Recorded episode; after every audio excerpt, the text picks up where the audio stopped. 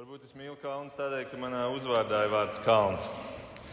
Bet eh, nē, kalni ir tik eh, vareni, tie liecina par dieva varenumu. Jo augstāk tu kāp, jo tālāk tu redzi, jo augstāk tu kāp, jo tuvāk esi debesīm. Bet ir arī tā, ka jo augstāk tu kāp, jo zemāk tu vari krist. Un kā mēs zinām, daudz ir arī krituši. Es šodien lasīju par vienu šādu traģēdiju, kas ir notikusi pagājušā gada vasarā.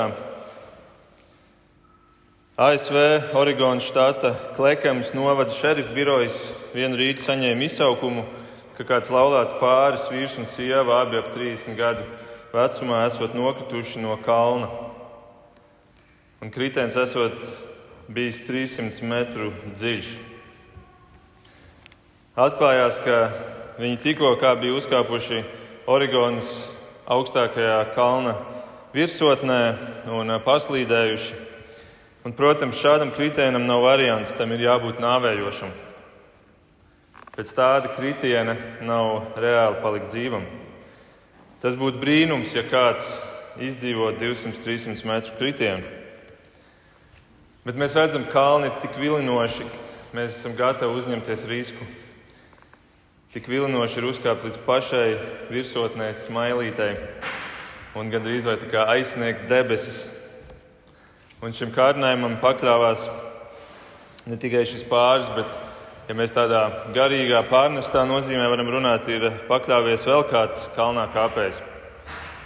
Kāds, kurš gribēja ne tikai aizsniegt debesis, bet kurš gribēja pakāpties augstāk nekā Dievs. Mēs zinām, šis kalnā kāpēc bija Lucifers, varenākais no eņģeļiem, saukts arī Sātans. Viņš ļoti augstu kāpa un ļoti zemu krita. Un Luciferam šis kritiens bija acīm redzot tik smags, tik garīgi, nāvējošs, ka visu savu atlikušo laiku, kuru viņam Dievs ir vēl devis, viņa mērķis ir alaži paraut cilvēkus līdzi lejup lai arī viņi krīt, lai, lai viņi piedzīvo to pašu, ko viņš ir piedzīvojis. Un lai šis kritiens būtu īpaši sāpīgs, varbūt pat nāvējošs, viņš vispirms cenšas cilvēku uzvest pēc iespējas augstāk, kalnām. Jo augstāk kāpsi, jo zemāk kritīsi. Viens no iekārojamākajiem kalniem varbūt pat mēs teiktu, pats iekārojamākais kalns ir kurš? Nē, ne Everests. Jūs esat gatavi šim? Iekārojamākais kalns ir seks. Kalns ar nosaukumu Seks. Šim kalnam ir sen iestaigāts tākas pēdas sniegā, kuras viena pēc otras vienā brīdī apraujas. Un, uh, redzam, ir vairs tikai tāda līnija, kas ved lejup pa šo kalnu kritiens. Un par šādu kritienu no šī kalna mēs šodien vēlamies domāt. Šodienas tekstu, kurus aicinu jums arī atvērt, jūs atradīsiet Romiešu vēstulē, pirmajā nodaļā. Un mēs šodien skatīsimies pāntus no 21. līdz 32. Un šodien, kā jau jūs zināt, mēs šajā sērijā, kuru mēs esam nosaukuši Dieva evaņģēlijas, ejot cauri visai romiešu vēstulē, mēs esam nosprauduši tādu mērķi, ka mēs katrā svētkrunā atbildēsim uz vienu jautājumu, kas ir adresēts, kas tiek uzdots, kas tiek atbildēts šajā konkrētajā tekstā. Un šodien tas jautājums ir, kādēļ pasaulē ir tik daudz seksuālu grēku? Kādēļ pasaulē ir tik daudz seksuālu grēku? Ja mēs atceramies, tad Romas vēstulē mēs joprojām esam pirmajā nodaļā, un pirmie tādi 17 pānti runāja par to, ka Pāvils saka, ka Dieva spēks ir kā tāds dinamīts. Viņš ir tik spēcīgs kā dinamīts, un viņš salauž cietokšņus, salauž mūrus, salauž cilvēku cietās sirdis. Un tad mēs varam uzdot jautājumu, labi, Pāvils, kāpēc es, kāpēc es vispār prezentēju šo Dieva evaņģēliju? Un tad Pāvils no 18. pānta šajā nodaļā paskaidro, kāpēc cilvēkam ir vajadzīgs šis evaņģēlijs. Un viņš mūs tādā pārnestā nozīmē ieved tādā straujā nogāzē aizā, un viņš parāda cilvēka kritienu, cilvēces kritienu. Un kā jūs redzēsiet, šis kritiens ved cauri šim, šai tēmai par, par seksuālo grēku. Un šodien mēs kāpsim lejā šajā aizā. Mēs varētu drīzāk teikt, mēs kopīgi izsekosim šim kritienam. Un kritienam ir četras stadijas. Šajā šodienas tekstā mēs redzēsim, ir četras stadijas, kādā varētu visu cilvēci iedalīt. Četras stadijas, kā cilvēks krīt no šī seksualitātes kārdinājuma kalna. Un es patiešām soli tālāk teikšu, kā sabiedrības krīt, kā civilizācijas krīt. Mēs jau mazliet uh, iepriekšējā reizē, kad, kad Raimons runāja, mēs runājām par šiem pantiem 21 līdz 25, un man it kā būtu jāsāk no 26, bet es paņemu vēlreiz to 21, jo es šodien vēlos parādīt šo pilno ainu, šo pilno četru stadiju bildi, kādā Dievs, tas ir Dieva vārds, kādā Dievs izskaidro, kādēļ cilvēki tik ļoti daudz krīt šajā seksualitātes grēkā. Un arī mēs šodien mūsu sabiedrībā cīnāmies ar tā sakām. Pirmā stadija, pirmā stadija mēs varam izlasīt 21. pantu, un mēs redzēsim, tā ir nepateicība. nepateicība. Dievu pazīdam, tie viņi nav godājuši kā dievu un nav viņam pateikušies. Nav viņam pateikušies, bet ir kļuvuši domās tukši, un viņu neprātīgā sirds ir aptumšojusies. Ja mēs zinām pasaules vēsturi, un, kuru Bībele izskaidro, tad mēs zinām, ka sākumā viss bija kārtībā. Sākumā ēdenē bija perfektais stāvoklis, cilvēki bija pateicīgi par to, ko Dievs viņiem bija devis, jo Dievs bija visu tik labi devis, ka Dievs pats pēc saviem cilvēkam neiedomājumiem standartiem bija pateicis, šis viss ir ļoti labi. Cilvēks nevarēja būt nepateicīgs. Tur viss bija tik skaisti, cilvēki bija pateicīgi par Dievu piešķirto. Bet problēma bija tā, ka šajā ēdenē bija ielavījies arī šis kalnā kāpējs, kritušais Lucifers. Un viņš cilvēkam sāk čukstēt, tev nepietiek ar to, ko Dievs tev ir devis. Tu vari dabūt vairāk, tu esi pelnījis vairāk. Dievs patiesībā kaut ko slēpj no tevis. Tad es seko manam padomam aizmirsti to, ko Dievs tev teicis, atraisies no Dieva vārdiem, atraisies no Dieva dotā vārda un klausi maniem vārdiem. Neusticies Dieva vārdiem. Un, ja mēs atgriežamies pie mūsu tās ilustrācijas par kalnā kāpšanu, tad atteikties no Dieva vārdiem, no šiem absolūtajiem Dieva vārdiem, būtu kā atteikties no stiprinājumiem, ka tu kāp kalnā no stiprinājumiem, kuri tevi tur pie kalna, kur ir iestiprināti vai nu, vai nu klintī, vai dziļi ledū sniegā, kā tādi ankuri. Un, ziniet, mūsu stāstā par mūsu pāri no Oregona tieši to viņi arī bija izdarījuši. Kā noskaidrojas, viņi nebija sevi piestiprinājuši kalna ankuriem, stiprinājumiem. Tā vietā viņi bija tikai piesieti viens pie otra. Un viņi bija uzkāpuši līdz kalna pašai smailai, pašā augstākajā vietā. Un ticiet vai nē, bet sievai bija paslīdējusi kāja, un viņa bija parāvusi sev līdzi arī vīru. Pie tam viņi bija nepareizi novērtējuši šīs situācijas nopietnību, jo viņi bija viegliprātīgi uzvilkuši apavus, novilkuši, jeb, jeb uzvilkuši apavu, apavus ar, ar, ar uzlikām, kas ir radzēm, kaut gan viņiem bija jāvelk zābaki ar dzelkšņiem, kas, kas ir pareizais aprīkojums šāda veida kalniem. Zābaki ar piestiprinātiem lieliem dzelkšņiem. Un kritiens bija neapturams, nenovēršams un neapturams. Un Ādams un Ieva arī bija savas dzīves kalna galotnē. Dievs viņus jau bija ielicis tur. Tā bija vislabākā vieta visas viņu dzīves laikā. Viņi savā ziņā sāka dzīvi augstākajā punktā vislabākajā iespējamajā vietā, visaugstākajā punktā. Viņiem pat nebija grēka apkārt. Viņi varēja būt pilnīgi pateicīgi par to, kas viņiem ir dots. Kā repera Kanye West dziesmā Everything We Need, viss, kas mums ir vajadzīgs, kā viņš tur repo, viņš saka, Iedomājies, ja ieva sāktu spiest ābolu sulu, vai tu tad darītu tā, kā Ādams darīja? Vai tomēr tu teiktu, beigī noliksim to atpakaļ uz koka, jo mums jau ir viss, kas mums ir vajadzīgs? Ādams to nepateica ievai un ļāvās šim, ļāvās tikt ievas parautam uz pasaules otro lielo kritienu. Pirmā kritušā Lucifera apmānīta Ādams un Ieva noticēja, ka viņiem vajag kaut ko vairāk nekā Dievs bija viņiem devis. Un tā nu pasaulē ienāca grēks. Un pirmais grēks, kā arī Raimons to pareizi un labi izskaidroja iepriekšējā svētdienā, ka šis pirmais grēks un grēka pats cēlonis ir lepnums. Lepnums, kas arī varētu tikt saukt par nepateicību Dievam. Nepateicība izraisīja šo kritienu, un šādu pašu kritienu piedzīvo katrs cilvēks un pat civilizācijas, kurš pagriež muguru dievam. Arī šodien, kurš saka, man nepietiek ar to, ko tu man dievs esi iedevis. Un tā Bībele saka, ka pēc nepateicības stadijas seko nākamā stadija.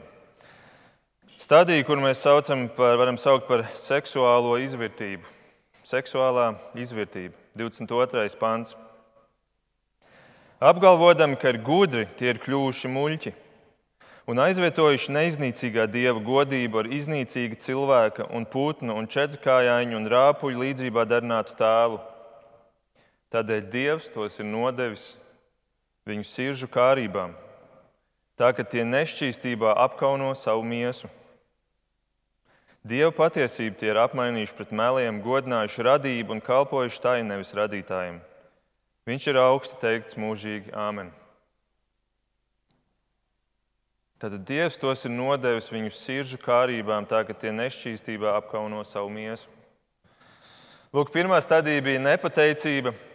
Un kaut arī tā izklausās diezgan nevainīga, mēs redzam, ka tā ir, ka tā ir, ka tā, ka, ka tā ir kā tāds milzīgs gravitācijas spēks, kas rauj visu lejup, kas cilvēku ierauj savās kārībās, savās iekārēs, kas cilvēku, varētu teikt, nodod kā tādiem plēsīgiem vilkiem šīm savām iekārēm, nekontrolējumām, seksuālās iekāras. Nepateicīgi cilvēki pārtrauc pielūgt Dievu, pagriežas prom no Dieva un viņi sāk pielūgt Dieva radību un tā skaitā arī cilvēkus. Un tā ir algdievība, ka tu sāc pielūgt citus cilvēkus, ka citi cilvēki kļūst par iekārs objektiem, par, par apmierinājumu objektiem, par pielūgsmes objektiem. Un kopš seksuālās revolūcijas 60. gados pagājušā gadsimta ir pierasts, ka mēs seksuālos kārdinājumus varam sastapt uz katra stūra. Tu vari izvēlēties savu seksuālo grēku no plašas buķetes. Nekad nav agrāk bijis tik viegli un tik daudz iespēju grēkot ar šo lietu, kā tas ir šodien. Visur pieejama brīvi pornogrāfija, popkultūrā valda visatļautība, mūzikas industrijā, video klipos, tekstu, dziesmu tekstu vārdos. Un jauniešiem tiek izdarīts jau milzīgs spiediens jau, jau agrā vecumā ar visu šo, šo ainu apkārt. Bet arī pieaugušiem ar šo liberālo izpratni par uzticību laulībā. Vispār tiek šis, šis laulības, šī laulības vajadzība kā tāda tiek apšaubīta, un tas ir, es teiktu, lielā mērā tieši šīs seksa brīvības dēļ, ja mēs tā varam teikt. Un tā šī seksuālā izvērtība jau ienāk un lēnām kļūst par normu sabiedrībā. Bet atcerieties, tas dzinējs spēks ir šī nepateicība. Ar to viss sākās, un, un nepateicība ir tā, kas šo lēnām audzina ar vien lielāku un, un, un veido ar vien stiprāku. Nepateicības dēļ ir tik daudz seksuālu grēku pasaulē. Bet tur, kur ir nepateicība, tur nav apmierinājuma. Nepateicība ir nozīmē, ka tev nav miera ar to, kas tev ir. Tu meklē kaut ko vairāk, tu, tu, tu neesi apmierināts ar to, tevī nav šī miera, šī apmierinājuma. Un cilvēks pierod pie tā, kas viņam ir dots, un viņam vajag kaut ko vairāk, un viņš atkal jau nav apmierināts. Un tā nu arī šī stadija nav pēdējā stadija. Cilvēks pierod pie šīs visas ainas, un, un, un, un viņš meklē kaut ko vēl vairāk. Un tā nu mēs nonākam pie trešās stadijas. Un trešā stadija ir homoseksuālisms. Homoseksuālisms. 26. un 27. pants. Tādēļ Dievs tos ir nodevis kaunpilnai kaislei. Viņu sievietes ir apmainījušas dabiskās dzimuma attiecības ar pretdabiskām. Tāpat arī vīrieši atmetuši dabiskās attiecības ar sievietēm, savā iekārē ir iedegušies viens pret otru. Vīrieši ar vīriešiem piekopdami kaunpilnas lietas, paši saņem pelnītu sodu par savu nomaldīšanos. Kad cilvēks izvēlās nepateicīgs būt, tad Dievs Agrāk vai vēlāk viņi nodod viņa paša iekārēm. Un šīs iekāras izaug uz, uz seksuālām iekārēm, un kad seksuālā izvērtība ir iesakņojusies, un mēs varētu varbūt teikt, sāk jau apnikt, tad Dievs nodod cilvēku savām viņu, viņu tālākajām iekārēm, kas jau ved pretī nedabiskajam, kā Bībele to sauc, homoseksuālismam. Par šo tēmu es jau nesen runāju, pagājušajā vasarā šķiet, un uh, tur bija sērija par mītēm, par kristētību, tāpēc es neatkārtošos. Jūs varat arī šo svētkrunu, ja jums interesē, atrast vīlande.lv mājaslapā.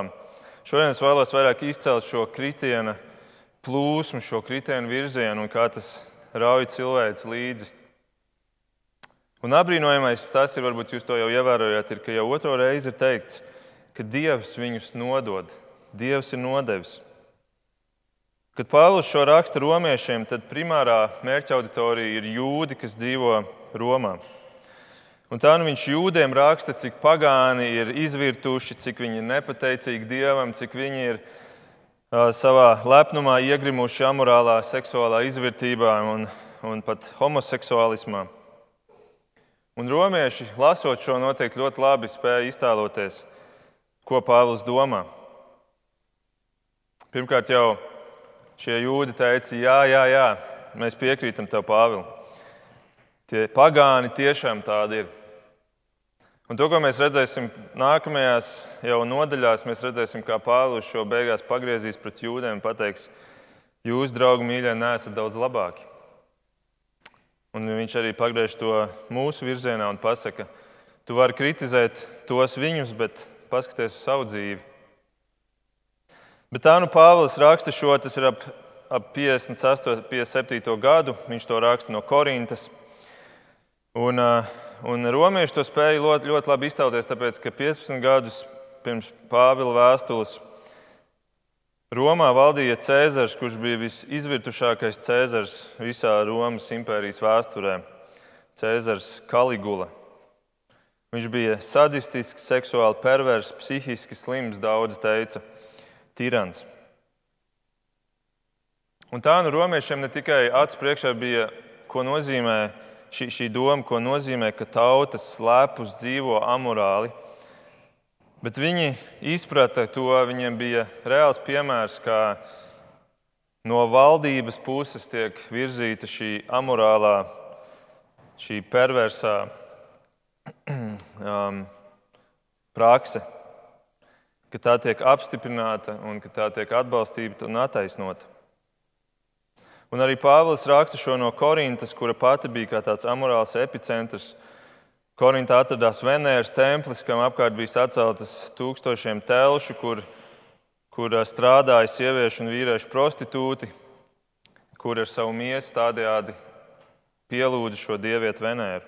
Un tādēļ cilvēki nāca uz Korintu masveidā, un, un tādā veidā Korinta kļuva bagāta un varena. Un tāpēc pēc tam Pāvils, kad raksta vēstuli korintiešiem, viņam ir tik daudz kritikas punktu. Katra nodaļa savā ziņā ir kā tāda kritika, sākot ar, ar um, nepareizām seksuālām attiecībām un incestu, beidzot ar nepareizu mēlēs runāšanas dāvanas izpratni.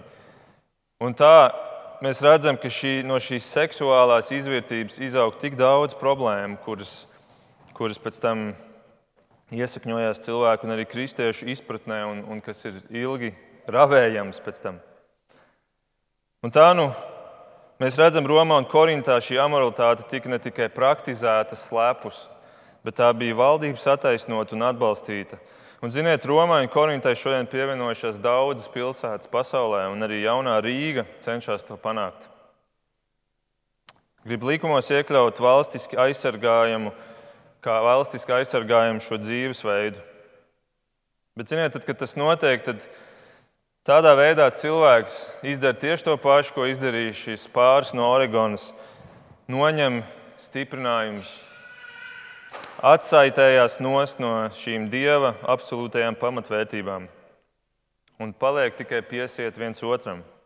Viens otra izpratnēji, sajūtām, vēlmēm un iekārēm. Un šīm šīs kustīgās, pārvietojušās relatīvās vērtības nav tas drošākais veids, kā tu kāp šajā dzīves kalnā. Cik ilgi tas ies labi? Ja tu kritīsi, kas tev vēl apturēsies, kā tu varēsi vēl aizķerties, pieķerties? Lai varbūt vēlreiz šo domu izteiktu skaidrāk, pasaulē ir tik daudz seksuālu grēku, jo cilvēks nav pateicīgs Dievam. Tādēļ cilvēks sāk veidot tēlus, citus cilvēkus, veido kā savus tos pielūgsmes tēlus. Bet beig beigās no visiem šiem tēliem, kurus cilvēks veido, tas lielākais pielūgsmes tēls ir cilvēks pats. Es pats. Un cilvēks sevi tik ļoti mīl, ka viņš sāk mīlēt tādus cilvēkus, kāds esmu es tā paša dzimuma pārstāvis. Un tādēļ homoseksuālisms, es ticu, Bībele māca, ir cilvēka izvēle. Tu izvēlēsies mīlēt sevi, un tāpēc tu mīli tos, kuri ir tādi kā tu. Un varbūt dziļi, dziļi jūtu līmenī cilvēki to neatzīs, homoseksuālistiski cilvēki to neatzīs, jo viņi saka, es to neesmu, tagad apsēdies un izdar, izdarīs tādu izvēli, kurš tagad pasakā, nu labi, tagad es kļūšu par, par homoseksuālu cilvēku. Bet, kad mēs, kad mēs paskatāmies uz šo tekstu, mēs redzam, ka šī izvēle ir izdarīta sen atpakaļ, tajā pirmajā stadijā, kad tu izvēlējies būt nepateicīgs par Dieva doto tev. Kur tu pasaki, ka tavas sajūtas ir svarīgākas nekā tas, ko Dievs tev ir iedevis šai dzīvei. Un šī tava izvēle ir tevi atkabinājusi no dieva kalna stiprinājumiem, no šiem ankuriem. Un tu paliec piestiprināts tikai pie sevis paša un pie citiem cilvēkiem. Un katrs bērns to atzīs, ka, ka tas ir bīstami. Tu neesi, tu neesi gudrs izdarot šādu izvēli. Tāpēc neesi negudri stiprini sev pie Dieva absolūtās patiesības, pie Dieva stiprinājumiem. Un kādi tie ir? Es jūs aicināšu tikai vienu reizi šodien pāršķirt Bībeli. Izdariet to, aiziet lūdzu uz 3. mūzes grāmatu, 18. nodaļu, 3. mūzes 18. Un īsi apskatīsimies dažus pantus. 3. mūzes 18. nodaļa no 24. panta. 3. mūzus 18 no 24. Tur ir teikts tā: Nepadariet sevi nešķīstus ar kādu no šīm lietām, jo ar visu šo sevi ir padarījuši nešķīstas citas tautas, kuras es padzinu jūsu priekšā. Zeme bija palikusi nešķīsta, un es piemeklēju tās vainu, un zeme izvēma tos, kas tur mīta. Turiet manus likumus un manas tiesas, nedariet nevienu no šīm preteklībām ne savējie, ne svešinieki, kas pie jums mīt, jo visas šīs preteklības darīja jūsu zemes ļaudis, kas te bija pirms jums. Bet zeme palika nešķīsta. Šī zeme jūs neizvems, ja jūs to nepadarīsiet nešķīstu, kā tā izvēma tautu, kas te bija pirms jums. Ik viens, kas darīs kādu no šīm preteklībām, ik viens, kas to darīs, tiks nošķirts no savas tautas. Turiet manus norādījumus, nerīkojieties pēc tām preteklībām, kā te tika darīts pirms jums. Nepadariet sevi ar tiem nešķīstus. Es esmu tas kungs, jūsu dievs. Redziet, tie, kas dara šīs minētās preteklības, zeme izvēma. Un uzreiz ir jautājums, kas tad ir šīs preteklības, par kurām Dievs šeit tik asi runā uz Izraēlu? Pašķiriet atpakaļ uz 20. pāntu. Izlasīsim vēl no 20. pānta, jo tur ir minēts tas, ko, kas Dieva acīs ir preteklība un kas ne tikai tevi pašu apgāna, bet kas apgāna tautu, apgāna tavu zemi. Un tāpēc tas nav grēks, kas ir tikai par kuru es tikai atbildīgs tu viens, bet tu šo atbildību pārnes pēc tam jau tālāk, un tas skar daudz plašāku cilvēku skaitu. Tātad no 20. panta. Kas ir šīs preteklības? Neguli ar tuvākā sievu, izšķāgdams sēklu, nepadara sevi ar viņu nešķīstu. Nedod nevienu no saviem pēcnācējiem Moleham, nesagāni savu dievu vārdu, es esmu kungs. Ar vīru neguli, kā mēdz gulēt ar sievu, tā ir preteklība.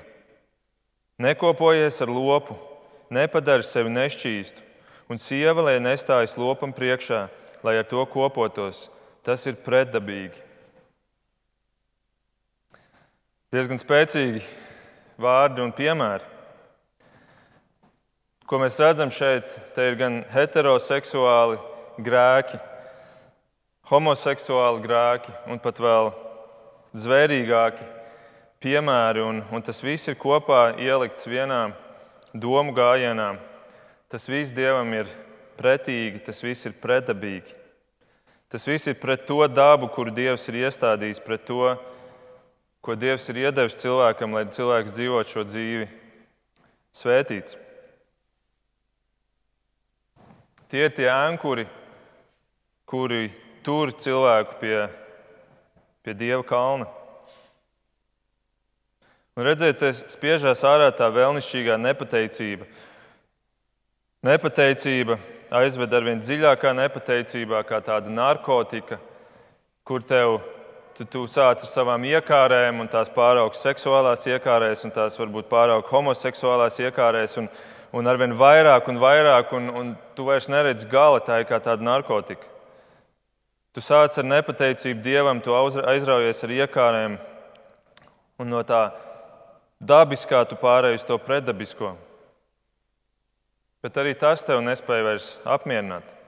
Un, ziniet, kā teologs saka, tieši šī pazīme, tieši šī pazīme, šī neremdējumā nepateicība, šī neapmierinātība, šis nemieris, šī ātrā pierašana, varbūt tas ir tas, kas Bībelē tiek saukts par nedzēšamo uguni ellē. Ka Dievs varbūt netik daudz tevi dedzinās tādā fiziskā formā, tur ellē, bet tu pats degsi šajās iekšējās iekārēs šajā neapmierinātībā, kur tu būsi palicis viens pats ar sevi, Dieva vairs tur nebūs. Un tu gribēsi vairāk, bet tu nevarēsi vairs to saņemt, jo nebūs vairs no kā ņemt. Tu esi palicis viens ar savu iekāri, apnicis sevi, bet palicis bez izējas. Un tā nu Bībele saka, ka homoseksuālisms ir tikai viens no pieturpunktiem ceļā uz šādu elli. Šī ir tā trešā stadija. Bet ir vēl viena pēdējā stadija. Pēc nepateicības, pēc seksuālās izvērtības, pēc homoseksuālisma šodienas teksts mums parāda vēl ceturto stadiju, un tā ir atgādna saprašana. Atgādna saprašana. 28. pāns. Un tā kā tie nav uzskatījuši par pareizu paturēt prātā Dievu, Dievs viņus ir nodevis atgādnai saprašanai, ka tie dara to, kas neklājas Tie ir pārpilni visādas netaisnības, negantības, alkatības, ļaunuma, pilni skaudības, slepkavību, ķildu, viltības, ļaunprātības, mēlnesības, aprunāšanas, naida pret dievu, nekaunības, uzpūtības, lielības, ļaunu blēdību, nepakļāvības vecākiem, pilni neprāta, neusticami, nejūtīgi, nežēlīgi. Un viņi, lai gan skaidri zina Dievs taisno likumu, ka tie, kas tādas lietas dara, ir pelnījuši nāvi, tomēr nevien paši tā dara, bet atbalsta arī citus, kas tā rīkojas. Ja es tev jautātu, kurā stadijā rietumu kultūra šodien ir, iespējams, mēs teiktu, nu, starp šo trešo un ceturto varbūt, varbūt mēs jau esam ceturtajā vai straujiem soļiem tuvojamies šai atgādnai saprašanai. Tas varētu būt tā, ka tu it kā saproti, bet tu esi sapratis pretēji. Tev liekas, ka tu esi nonācis pie izpratnes, bet tu esi izpratis pretēji. Un tu to nemaz nenojauti. Tev balts ir melns, un tu esi pārliecināts par to. Tev nepareizs nu ir pareizs, tev netikums nu ir tikums. Šīs absolūtās vērtības ir nojauktas un nu valda relatīvās vērtības. Šajā postmodernisma kulminācijā, ja agrāk bija objektīvi fakti, tad tagad ir relatīvas sajūtas. Ja šodien tu jūties pretējā dzimuma ādā, tad tas tiek padarīts par faktu. Tu to vari padarīt par faktu. Un kad vairs nav objektīvu faktu, kad vairs nav objektīvu absolūtu vērtību, pie kām noankuroties, tad nav arī iespējama īsta diskusija, jo nav vairs pamata, uz kā argumentēt šo diskusiju. Un tur, kur nav diskusijas, tur sāk dominēt viens viedoklis. Un, ja šim vienam viedoklim tu sāc runāt pretī, tad tā skaitās jau kā naida runa. Un mēs jau redzam, tev nobloķē sociālos tīklos, tu sajūti karstās izslēgšanas kultūras dvašu sejā. Un tu paliec mazākumā un tu paliec mazākumā. Čārlis Pērģents ir teicis, es jau sen esmu pārstājis skaitīt galvas, jo patiesība šajā ļaunajā pasaulē vienmēr ir bijusi mazākumā. Tāpēc vēlos teikt, mīļā draudzījā, arī mēs tuvojamies šai mūsu sabiedrības, varbūt ceturtajai stadijai. Ja arī paliekam mazākumā, nekad nezaudēsim ticību, jo šī patiesība, kas ir tas ankurs, kas mūs tur pie tā mūžīgās klints, Jēzus Kristus kalna. Tā ir tā patiesība, kura arī viņa laikā bija mazākumā. Un pat ja nav vairs iespējams normāli pārliecināt cilvēkus viņu atgādnās saprašanas dēļ, atcerēsimies, ka tas arī, arī tas nenotiek bez Dieva ziņas. Arī šeit mēs lasām, ka Dievs ir cilvēku nodevis šai stadijai. Viņš par to zina. Un tas viss ir viņu cilvēku izvēles dēļ, ka viņi vēlējās būt nepateicīgi Dievam. Un tā nu šī atgādnā saprāšana stadija ir pēdējā. Un, eh, kā jau pēdējā stadijā, tur arī sāk līst ārā vispārējais grēku saraksts. Seksualitātes grēks ir kā tāds Pirmais lielais kalns, kas pievelk uzmanību, lielais uzmanības magnēts. Bet klusītēm jau tur velkās līdzi tas pārējais grēku saraksts. Un varbūt no tā visa saraksta es vēlos izcelt tikai vienu vārdu. Tur bija minēts slepkavības. Tur bija teikts, viņi ir pilni slepkavību. Un kāds varbūt teiks, pagaidiet, kā tad mūsdienu 21. gadsimtā sabiedrība ir, ir, ir saistīta ar slepkavībām. Drīzāk jau tas ir viduslaikos, tur visi kari un tā tālāk. Bet šodien atbildi, diemžēl, ir ļoti pārliecinoša, jo šodien rietumu kultūrā katru gadu tiek noslepkavots tik daudz cilvēku kā nekur citur pasaulē.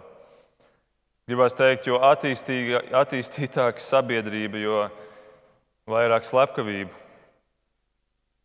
Tik daudz kā droši vien nekur citur, arī pagātnē, ja mēs paņemam visu cilvēku vēsturi kopā. Tas notiek caur abortiem. Un kā vārdā notiek aborti? Protams, ir izņēmumi, un mēs nerunājam par izņēmumiem, bet lielā mērā mēs arī šo grēku varētu paņemt atvilknītē, kurai ir ielikt atvilknītē, kurai ir uzraksts seksuālie grēki. Tā nu cilvēks un cilvēks kopumā caur dažādiem laikiem un uh, caur dažādām civilizācijām iet pa vienu to pašu taku šajā kalnā. Taku, kas ved šajā skaistajā kalnā.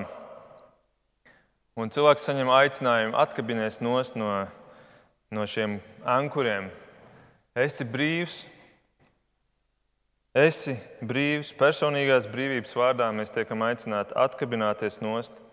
Mēs tiekam aicināti pārvilkt garīgos dzelkšņu zābakus uz vienkāršiem apavu uzlikām, lai ir ērtāk.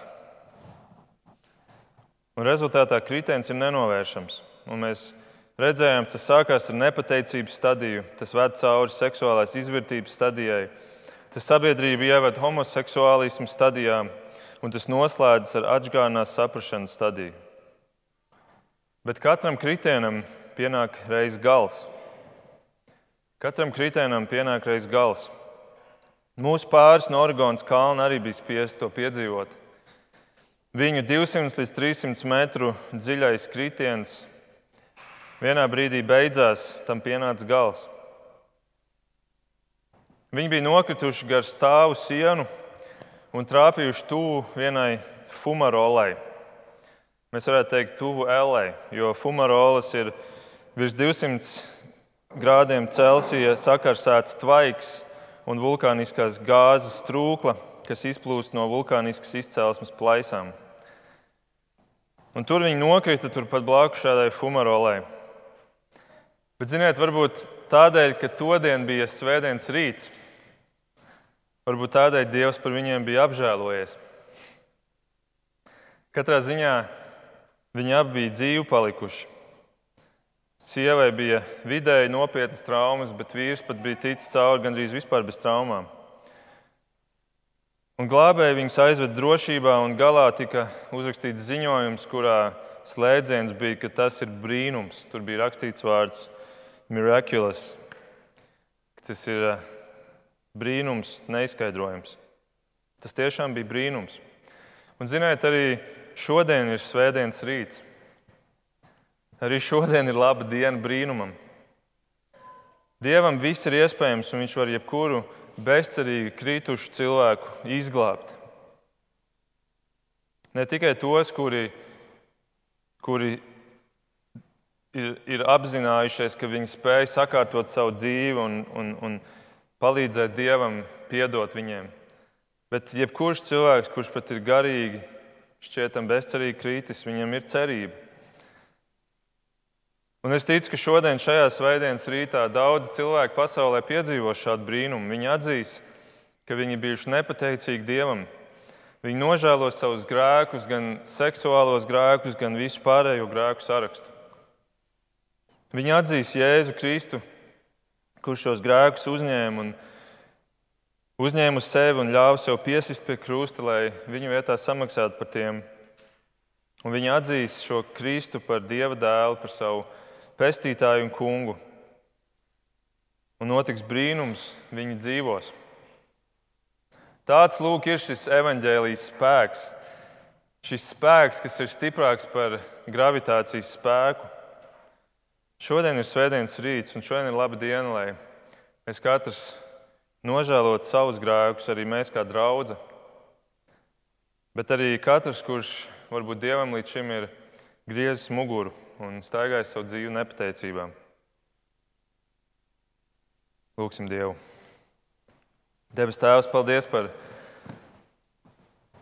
par kalniem, par šo skaisto pasauli. Tu esi tik daudz ko devis, ko mēs varam baudīt šajā dzīvē. Paldies arī par mūsu miesu, paldies par to, ko mēs drīkstam lietot savā dzīvē, un mēs varbūt tik rēti tev par to pateicamies. Paldies, ka tu mums to esi devis. Paldies, ka tu esi radījis cilvēkus kā vīrieti un sievieti, un eh, ka mēs varam papildināt viens otru, un ka tu to visu esi tik skaistā veidā izveidojis, kungs. Bet paldies, ka tu cilvēku arī esi radījis pēc sava tēla un līdzības ar iespēju izvēlēties, izvēlēties savu dzīves ceļu. Un uh, es lūdzu, kungs, palīdz, ka katrs, kurš klausās šodien arī šos vārdus no Bībeles, ka katrs varētu pārdomāt un, un pārbaudīt varbūt to pašu senāko izvēli, kas ir darīta, vai būt pateicīgam tev vai nepateicīgam.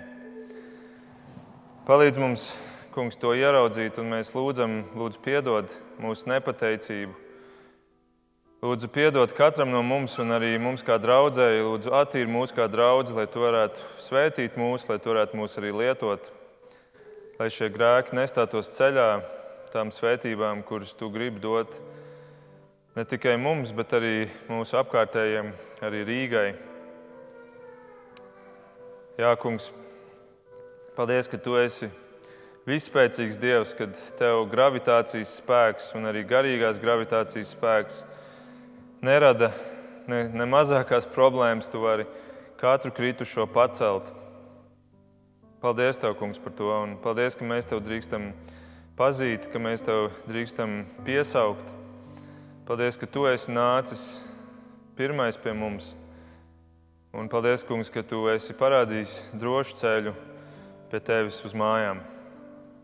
Lūdzu, svētī mūs katru, un to visu mēs lūdzam mūsu Kunga Jēzus Kristus vārdā. Amen.